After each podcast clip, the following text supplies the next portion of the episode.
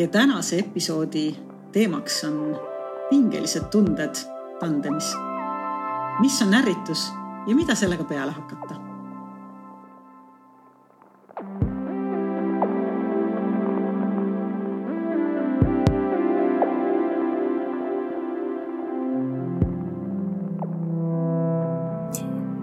Tere, hea tandemi episoodide kuulaja. meie tänane episood räägib äh, tunnetest, ülereageerimistest, alareageerimistest ja keerulistest suhetest. Hede, ütle mulle kohe alustuseks, mis teeb ühe suhte keeruliseks? jaa, no minu kogemuses äh, kõikides suhetes on need töised või töövälised. see esimene asi, mis loob keerukust, on ootused. ja ootused mis on sageli teadvustamata. peaaegu et alati välja rääkimata. ja miks mitte aeg-ajalt ka üsna ebarealistlikud.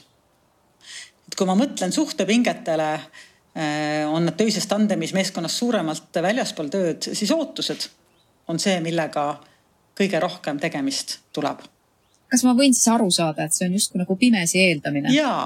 et eh, mul on just nimelt, et mul on tandemis äh, äh, pimesi ootus või eeldus ühele poolele ja tal on pimesi eeldus äh, mulle teisele poolele. ja me ei ole omavahel oma ootustest realistlikult rääkinud või ka neid kirja pannud. ja juhtub see, et me peegeldame midagi teineteise peale, mis, mis ei toimi või mis ei ole päris või mis vastupidi teeb hoopis haiget. ja hästi nõus, sa tõid kohe väga hea teise asja ka välja, peegeldame teise peale. et järgmine asi, mis ma ootustele mhm. juurde ütleks, ongi projektsioonid. see, et ma võtan mingi oma mõtte, oma tunde, oma hirmu, oma ootuse ja vaatan sind läbi selle prisma ja arvan seda olevat hoopis sinul et see on tegelikult täpselt see teine, teine pingeallikas, et üks asi on läbi rääkimata kokkulepped. et ähm, noh, lihtne näide, ma usun, et meil sinugagi omavahel on olnud neid olukordi, kus meil mõlemal on ettekujutus, kuidas mingi asi võiks minna.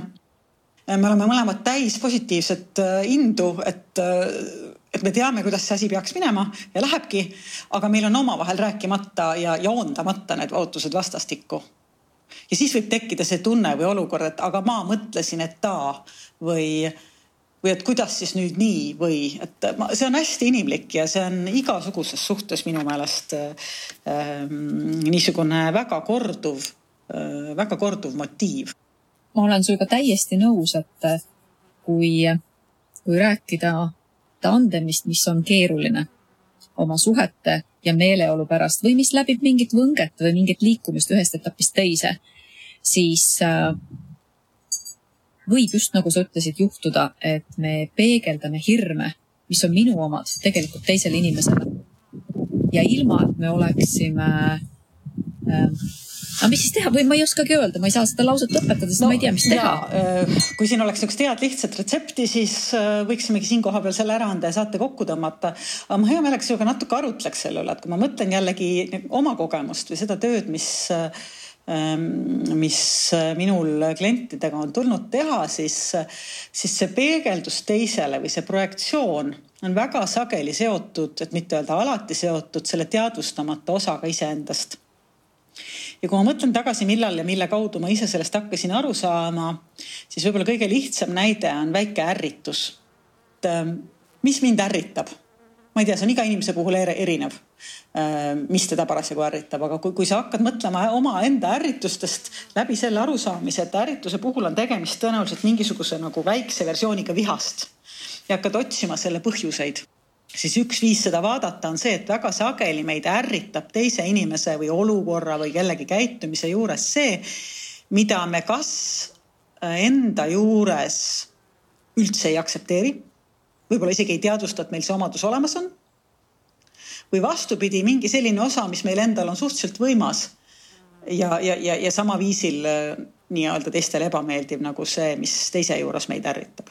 Et ma natuke praegu segaselt seda seletan, otsin, otsin õigeid sõnu, aga mõte selles, et see teisele projitseeritav on alati rohkem seotud minuga kui temaga. kas ma sain sinust siis äh, õigesti aru, et kui mulle näiteks oma tandempartneri puhul ei meeldi, et ta näiteks jääb viimasele minutile ühe või teise asja ettevalmistamisega, siis äh, milles mul see küsimus on või milles siis see minu viga on? Mina hakkaks otsima sealt nagu ühte-kahest variandist, et kas äh, ma ise keeran vinti üle sellega, et ma pean tegema asjad väga-väga varakult ette ja väga detailselt läbi mõtlema ja ei jäta üldse seda viimase hetke muutuse või mänguruumi. Katsun liiga ära formaliseerida ja siis häirib mind teises inimeses see, kui tema laseb puusalt kogu aeg või siis teine variant, et ma olen ise samasugune, aga ma ei tunnista seda endale või ei märka seda omadust enda juures. või ei taha. et ka mingitel tingimustel ei taha seda enda juures omaks võtta. et ma ei taha olla äh, viimasele hetkele jääja ja siis mulle paistab see teise inimese puhul tohutult silma. jaa. ja siis ma mängin tema peal. kui ma näen seda, siis ma aplombina ütlen talle, kuidas sa saad selline olla, kuidas meie töös ei peaks nii olema või et me ei saa seda endale professionaalselt ja, nii ja lubada ja, või mis, mis head sõnad siis on, eks. Ja Margit, kui sina seda teed ja sina ju oledki täpselt, kes on ka seda võimeline tegema, kui ta tahab, siis sa oled juba miilide e-, võrra ees teistest inimestest, sest enamus ei tee seda, vaid nad enda sees vaikselt puhisevad. Kuidas ta kurat seda ikka teeb.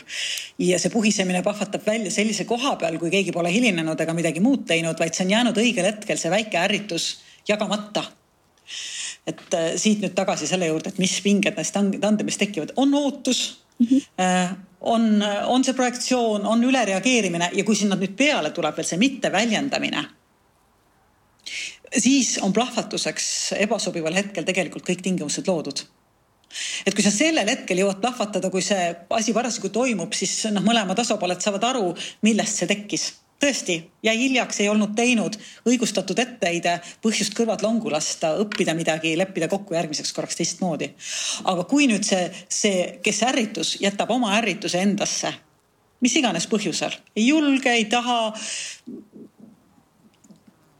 arvab, et reageerib üle, mingil erineval põhjusel jätab selle väljendamata, arvab, et ah, polegi nii oluline hetkel, siis need kipuvad kuhjuma kuskile ja see, kui siit on võib-olla hea paralleeli tuua, et see on ju hästi tavaline peresuhetes, paarisuhetes, kus äh, suur tüli lahvatab, äh, ma ei tea, valesti kokku volditud ajalehe pärast mm.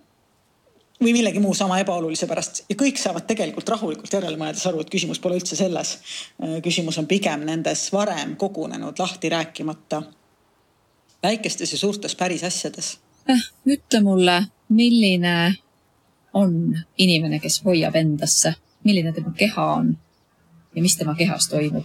no hea oleks, kui siin oleks nagu lihtne vastus, et äh, inimene, kes välja näeb pinges, on seest pinges ja mingis mõttes see nii ka ilmselt on um, aga ma ei kipuks päris niimoodi üldistama või ühtlustama, et mis su enda kogemus on, et kui sa mõtled inimeste peale või kasvõi iseenda peale pingeolukorras, milliseks me lähme, kui me oleme pinges?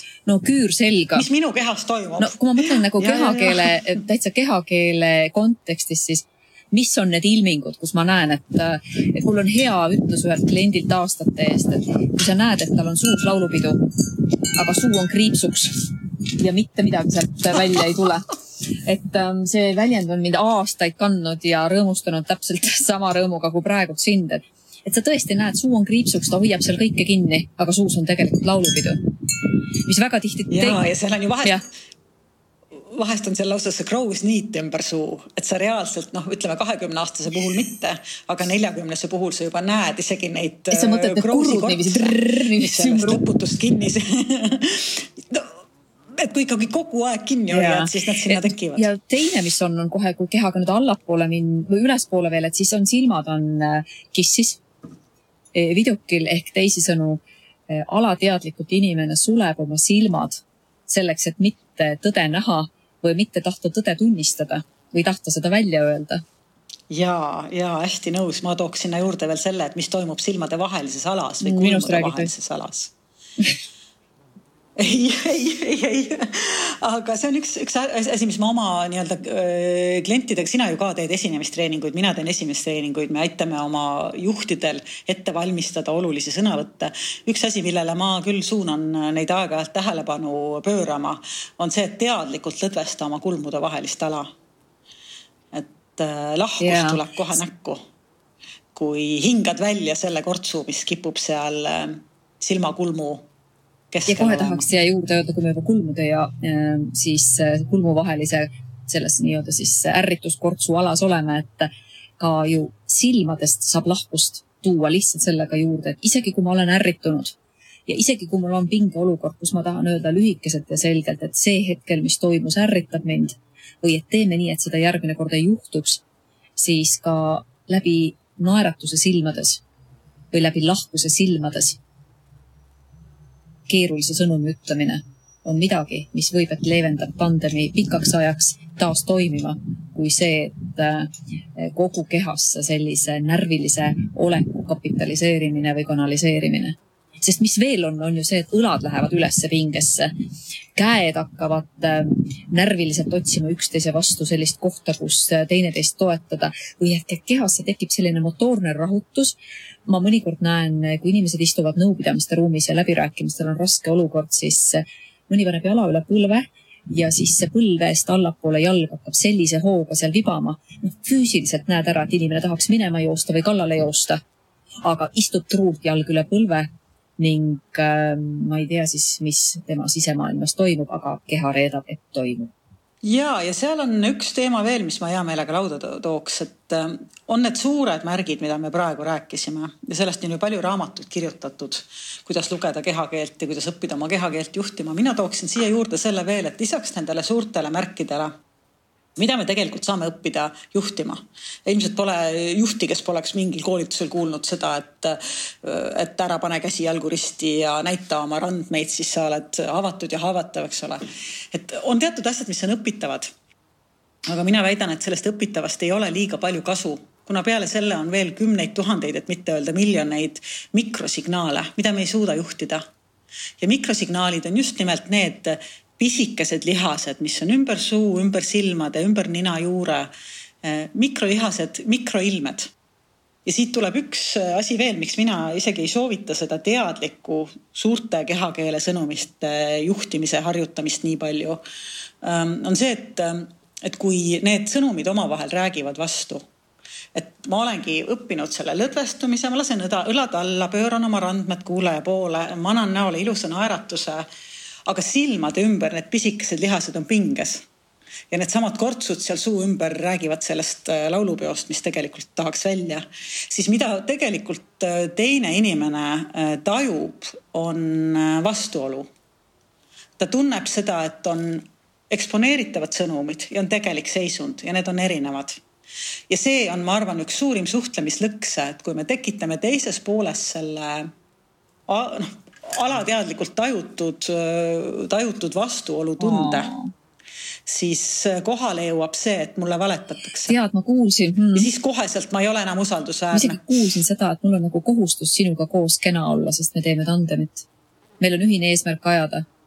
ja ma püüan alla neelata, aga keha reedab. jaa. on midagi nii? just, just, just, just ja siit noh, ma ei tea, võib-olla kohe nagu ka see, et mida ma, mida mina nagu lahendusena näen, mu meelest see töötab päris hästi, on tegelikult selle asemel, et juhtida seda, seda välist suurt sõnumit, keha, kehakeelt, eh, tuleks alati püüda juhtida seda sisemist seisundit. Mis tähendab seda, et kui mul ongi sees pinge, siis A, kas ma suudan seda tegelikult ära lahendada, et noh, see sinu öeldud silmade naeratus, see on ju megaäge, aga selleks on vaja seda, et mul sees oleks see naeratus olemas ja seal on oma tehnikad, kuidas seda saavutada, me võime sellest pärast edasi rääkida. aga noh, teine võimalus on see, et kui ma tõesti tunnen, et ma ei suuda seda switch'i teha, siis ma olengi sinuga aus ja ütlen, et mul on sees pinge. või kuule, mul hetkel keeb.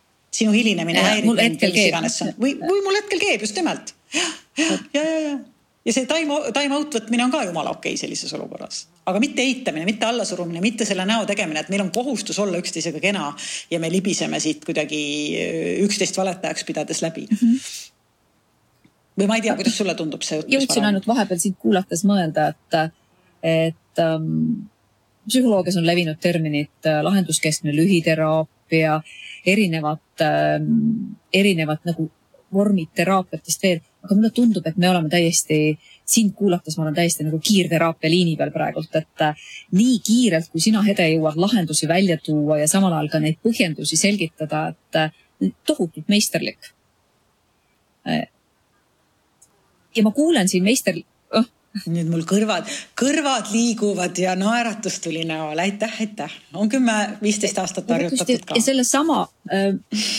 teema juures ma tunnen, et mõnikord äh, vähemalt minu enda kogemuse pealt äh,. mõnikord on tandemis olla väga äge ja ma suudan äh, olla kohal ja mõnikord ma ei suuda. täitsa lähen isiklikuks. ja tead, ma olen ühte tehnikat veel kasutanud ja see on olnud see, et äh, ma pakin selle tunde põhimõtteliselt oma auto tahaistmele. Lähen teen järgmise kohtumise või jätan ta nurga taha või pakin kasvõi kotti või pakin kõrvalistmele, kuhu iganes. ehk ma pakin ta mentaalse projektsioonina oma peast, oma kehast välja ja ma tegelen sellega hiljem selleks, et vabastada teisele osapoolele, kes minuga tuleb rääkima või kes tuleb minuga teatud projekti edasi juhtima. et vabastada talle oma sees see energia, mis sinna tandemisse kuulub ja see, see väga äge, see on juba sihuke kõrgem pilotaaž, seda ma soovitaks küll kuulajal ka äh, teadlikult harjutada. Et äh, tänapäeva ajuteadus ju juba kinnitab seda, et visualiseerimine hästi tugev meetod. Äh, tippsportlased, tippkunstnikud, helikunstnikud kasutavad visualiseerimist kui meetodit päris palju, et, et kuulab juht ka või, või, või, või kes iganes sa seal teisel pool teisel pool meie heli oled, et, et see, see, mis Margit, sa praegu rääkisid, et, et enda jaoks visuaalselt see tunne endast üles leida. Anda talle mingi vorm, kuju, kasvõi lihtsalt kirjeldus. Ja pakkida ta tõesti ära ja panna, on see auto tagaiste, on see kott, mingi muu koht, et ma vabastan hetkel ruumi selleks, mida ma praegu pean tegema. ainus trikk sealjuures on see, et ma pärast pean siis tagasi tulema selle pakitu juurde. Et muidu, kui neid pakke sealt auto, auto tagaistmelt nagu lahti ei haruta, siis üks hetk on auto täis lihtsalt.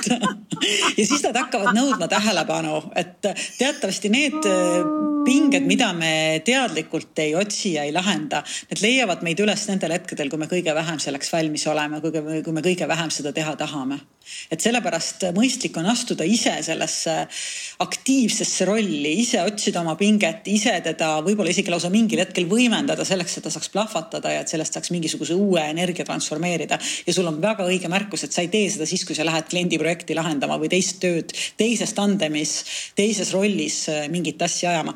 mina ei tea, kuidas sinul, aga, aga noh, ma usun, et enamikel meist on ka seda tüüpi kogemust, kui meie kallis lähedane inimene tuleb oma selle mujalt saadud pakikesega mida ta on unustanud kokku pakkida, võib-olla märganud kokku pakkida ja laotab selle mööda teie ühist, ühist elu oh, ja ruumi laiali. et see ei pruugi ka alati oh, kõige mõnusam asi olla, eks ole. et kui nüüd täitsa narratiivide keer, keelete korraks ära keerata, siis mulle kostab, et kas see on ainus põhjus, miks nii palju linnamaastureid linna vahel on? et muidu ei mahu pakikesed ära, vaata. oi, sinna mahub kõvasti kandmist, kõvasti tead, mul on aastate eest ühes esinemistreeningus üks äh, väga lahe kogemus. Me kasutasime tehnika nimeks, et, et võta see okkaline siil enda seest välja ja pane ta siis kõrvalistmele selleks, et esinemise ajal keskenduda tõesti ainult sellele, mida sa oled teemana tahtnud jagada. ja tead, mis juhtus? üks äh, grupi hilineja tuli natuke hiljem saali, samal ajal kui see esineja, kes oli oma peast mentaalselt ja oma sisekõneluses vaid parkinud oma siili kõrvalistmele ära ja see hilineja, kes gruppi tuli samal ajal, kui ära parkinud siili esineja oli laval, tuli ja istus, hakkas istuma sinna tooli peale, kuhu esineja oli oma siili parkinud. ja tead, mis juhtus? keset kõnet hüüdis ta, ära sinna istu, seal on mu siil. siis läks näost punaseks ja siis hakkas terve rühm naerma ning me saime sellest nii tohutu kergenduse ja ilmselgelt õpikogemuse terveks eluks ja vaata, kuidas jääb meelde, eks ole.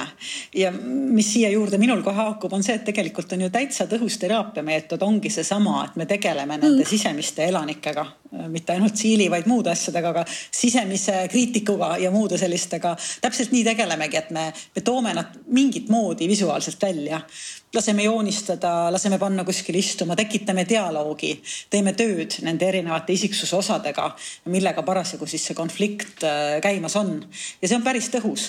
aga võib-olla lähme siit pausile ja peale pausi tuleme tagasi jälle rohkem selle tunnete ja keeruliste olukordade juurde tandemi vaates, et praegu me läksime mõnusasti mängima isiksuse laiade teemadega. ma olen sinuga nõus ja ma tahan pausile kaasa võtta selle tunde, mida me mõlemad hetkel tundsime et ka väga kriitilises olukorras huumor, naer ja kehas kergenduse loomine, isegi välja kutsutud sõnadega või iseendasse loodud naeratusega, on nii palju reliifi või vabastust kehasse toov, et ilmselgelt pausi aeg.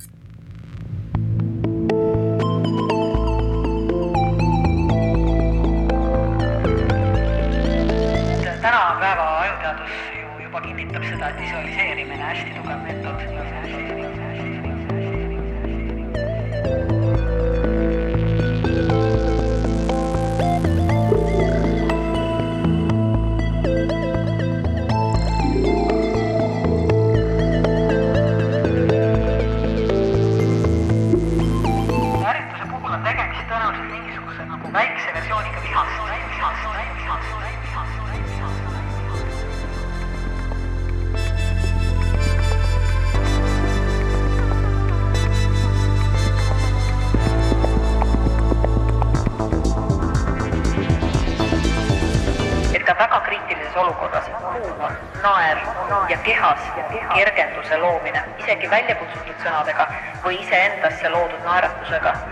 on nii palju reliifi või vabastust kehasse tooma.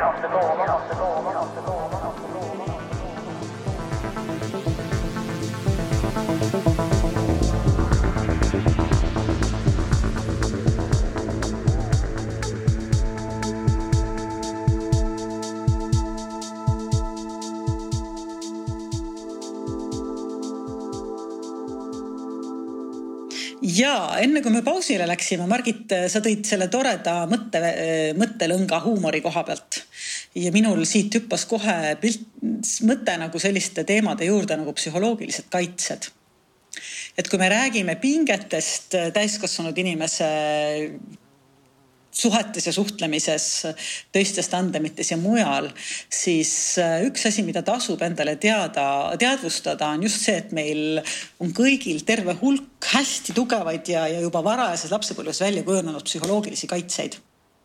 ja huumor on tegelikult üks kaitseliik ja huumor on minu äh, jaoks minu arusaamist mööda see tõeliselt küps psühholoogiline kaitse et heal viisil huumorit kasutada pinge leevenduseks, keeruliste olukordadega toimetulekuks, see on raudselt üks parimaid viise äh, mida meie psüühika meile loonud ja pakkunud on ja seda endas tasub kindlasti arendada.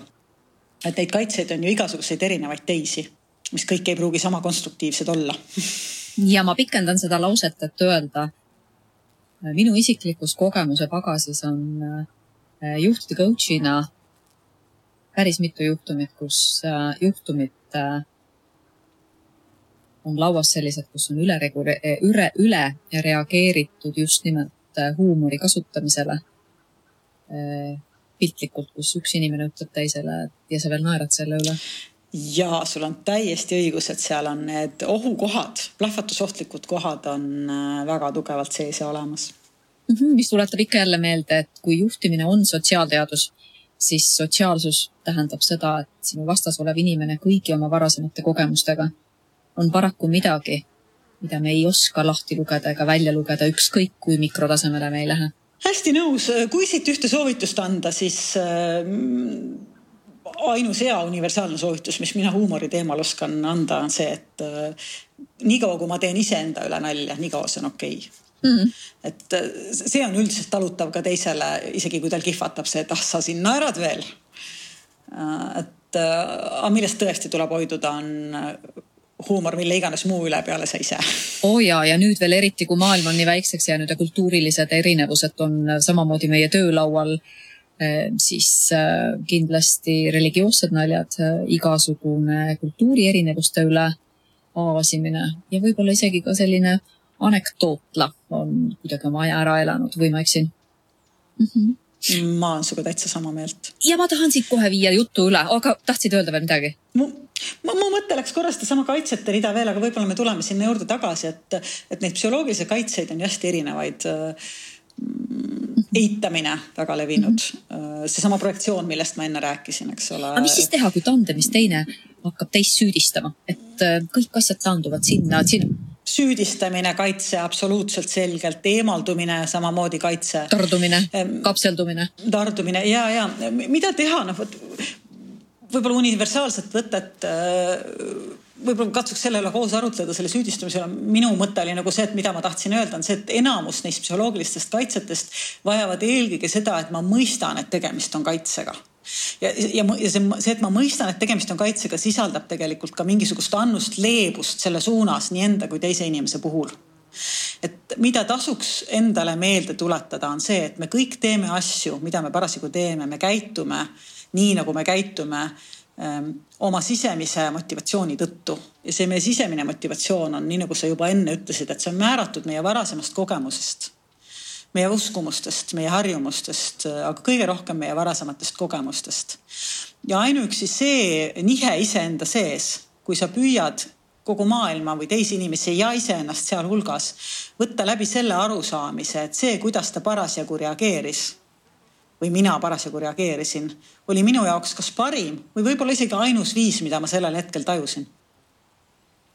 Et siis tuleb natukene seda lahkust juurde ja siis on võimalik võib-olla ka sellest süüdistamise olukorrast või, või, või noh, mõnest teisest negatiivsest kaitsest kuidagi konstruktiivselt edasi liikuda, kui esimene hetk on tunnistamine sellest, et, et kaitse eesmärk ongi kaitsta et meie võime teda tajuda rünnakuna, aga ta, aga see, selle teise inimese isiksuse terviklikkuse jaoks on tegemist just nimelt väga hea asjaga, see on kaitse. ma kuulan sind ja mul on kohe kaks reaktsiooni ja mulle tundub, et täna me olemegi ainult reaktiivsed, sest me lub-, et me lubasime olla tunne, tunnet, tunnete teemal rääkimas.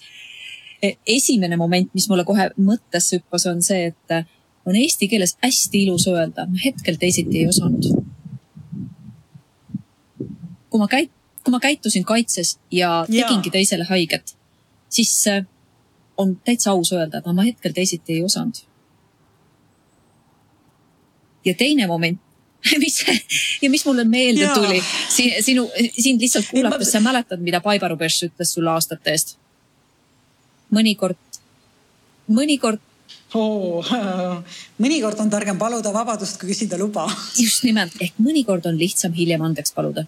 hästi nõus mul on siiamaani see, see, see mõttesügavus on minuga siiamaani kaasas. ja see, mis sa ütlesid, mind ennast puudutab väga tugevasti, sest mina kuulun nende inimeste hulka, kes loomupäraselt on väga kiired reageerijad. on sul siis vedanud selle peale? on sul vedanud tänu selline, sest mina olen jälle väga tugev kapselduja mina võin kõik maailma enda sisse alla neelata ja siis mõelda, et kus no, see kõik nüüd minu sisse ära mahub. ma arvan, et mõlemad on väga head viisid olla mõlemal on oma plussid, oma miinused. mina olen aastatega õppinud tõenäoliselt oma reaktsioone pidurdama. me vist kunagi, kunagi oleme sinuga ka rääkinud sellest minu suu täiesti lüpsistest, eks ju, mis mind välja aitas. sina oled tõenäoliselt õppinud rohkem avama ja nii-öelda ütlema sellele inimesele, kes äh, hiljaks jääb või mis iganes see häiriv tegur on mõlemad on täiesti head, aga sinna juurde see, see arvestamine just nimelt sellega, et et ma olen ka valmis seda välja ütlema. et ma hetkel teisiti ei osanud. see arusaam on mind aidanud küll nii töös kui eh, isiklikes suhetes. võib-olla me tajume seda kõige paremini oma lastega. sest kes meist ei oleks eh, kõigist meie ideaalvanema mudelitest ja harjutamisest ja parimast tahtest hoolema, hoolimata mingisuguses olukorras reageerinud viisil, mida me juba murdosa sekund hiljem kahetseme ja ma arvan, et need nii-öelda terviklikumad tulevikuisiksused saavadki ainult siis kasvada, kui see veidralt reageerinud vanem on kohe võimeline peale tulema selle lausega, mida sa just ütlesid seda, et anna andeks, ma hetkel teisiti ei osanud. ja seda mõistab isegi kaheaastane või väiksem mm. -hmm. Mitte üks..., mitte, et ma soosiks ülereageerimist lastega, jumala pärast, ei, aga. aga kui see on olnud? just nimelt ja kui see on olnud, eh, kui me paibast rääkisime, siis äh, minu enda jaoks on üks psühholoogiline tugev mõjutaja minu enda suhte reguleerimisel, kellega vaid, on see siis perekond või, või nii-öelda töökond, töösõpruskond, on aidanud see Mareborgi mõte, et kui inimene on ühe tunde sees, siis tal kaob mõtlemine. jaa. ja vaat kui ta ikka on seal tunde sees ja kui sa ise oled ka seal tunde sees, siis hetkel teisiti ei oskagi ja sellest tundest väljaaitamine on ka minu meelest üks hästi oluline moment, kus eh, kuulajaga kaasa flirtida teemale. igasugune tundepehmendus tuleb sellest, kui me teeme kehaliselt midagi, mis meie kehale kergendust loob. olgu see korraks loodusesse minek, kerge pausi tegemine, kasvõi tualettruumi minek ja käte ja keha ja õlgade mudimine. korraks nii-öelda lihased pingesse, lihased lõdvaks, hingamine, mis vaid kehas füüsiline muutus loob olukorra, kus me saame oma kehale anda ruumi, et mõtlemine saaks tagasi tulla ja tunnetel oleks koht, kus kanaliseeruda oi, sul on nii, äh, nii õige mõte. ma väikse, väikse soovitusena veel juurde, et kui ei saa kuskile minna, ei saa isegi püsti tõusta, oled mingis sellises olukorras, siis isegi nii väike asi nagu õlgade ring. alati küsivad esinemistreeningul inimesed ja sa siis arvad, et ma võiks laval seda teha. ja siis ma ütlen sinna vastu, et aga tead, kui sa laval täitsa tasa oled ja saalis on seitsesada juhti näiteks äriplaani konverentsil ja nad kõik ootavad sinu käest midagi, mida sina tahad neile jagada, siis võid sa teha ka ükskõik millise kehas vabastava liigutuse selleks, et oma mõttega edasi minna. on väga nõme soovitus või? mina olen hästi poolt, annan sama soovitust ja olen ise ka kasutanud. üks, üks mõte veel, mis minu jaoks on üks selline lihtsamaid, on äh, tähelepanu hingamisele mm et kui sa midagi muud ei saa teha, siis hingamine on sul alati kaasas. ja korraks võtta see sekund, kus sa märkad, kuidas õhk liigub sisse ja õhk liigub välja sinu seest. ja selle teadlikult natukene sügavamale viimine teeb ka natukene seda, et me tuleme peast välja kehasse ja kui sa tuled peast välja, siis neid äh, nii-öelda plahvatuslikud mõtted korraks annavad ruumi äh, võib-olla sellele, mis sa, mis sa just enne ütlesidki, eks ole, et me anname ruumi sellest tundest väljatulekuks ja millegi muu äh, esiletulekuks. ja teistpidi, see toob mulle jälle selle mõtte ka, et, et noh, kui me räägime üldse, mis nagu keerulistes olukordades need reaktsioonid on, see võitle, põgene või mängi surnut, eks ole. et äh, vastavalt äh, olukorra keerukusele hästi kiiresti ju inimese vana aju hindab ära selle nii-öelda ohuolukorra, et kas ma olen võimeline võitlema, kui ma võitlema ei ole võimeline, kas ma jõuan ära joosta ja kui ma kumbagi ei suuda, et kas ma peaksin mängima surnut ja lootma, et oht ka kaob iseenesest. et, et tegelikult mingis mõttes võib öelda, et kõigil neil reaktsioonidel on äh, oma õigustatud koht. Et seesama hetk, kus parasjagu tunne on võtnud üle ja inimene on selle tunde sees siis minu meelest ka põgenemisstrateegia võib olla täiesti adekvaatne strateegia sest mina olen seda katsetanud, kusjuures ma pean sulle ütlema täitsa oma isikliku elukogemuse, ma olen tõesti astunud uksest välja. ja ma arvan, et äh, on kuulajaid, kes võib, et on sellesama tembu teinud. Äh, muuseas, ma praegult olen ka õues ja äh, võib-olla ka sellest, et on tunne, et tahad olla looduse keskel, kui räägid tunnetest. või on tunne lihtsalt sellest, et kas peavad siis kõik episoodid olema tehtud kaamera vaik-, siis stuudiovaikuses? mina arvan, et meie võlu, meie tandemi võlu sinuga, vähemasti minu jaoks ongi just nimelt selles, et ei ole peab mõistet. on äh, mäng, on tahan, on meeldib, on tõenduspõhine viide sellele, aga ei ole seda, et peab. ja see on mu meelest hästi-hästi äge, mida ma meie tandemi puhul kõvasti hindan, olgu see siis õues päiksega või vihmaga või. Stuudios või kuskil mujal. me oleme nüüd päris mitmetel äh, mõnusatel teemadel, hästi hoogsalt muuseas täna rääkinud, et äh, ja ma toon sisse küsimuse, et äh, mis siis, kui tandemis teineteist kuritarvitatakse? vot see on nüüd selline koht, kus ma võtaks manipuleerimised ja ma võtaks kohe hingamispausi, läheksid podcast'i mõttes korraks pausile mm. ja tuleks selle küsimuse juurde tagasi, sest see on väärt süvenemist. teeme siia ühe pausi ja kui te lubate, kuulajad, siis tuleme teie juurde tagasi nädala pärast selleks, et viia teid manipulatsioonide maailma koos lahendustega, koos näidetega ja koos võimalusega meiega kaasa mõelda. aitäh meid kuulamast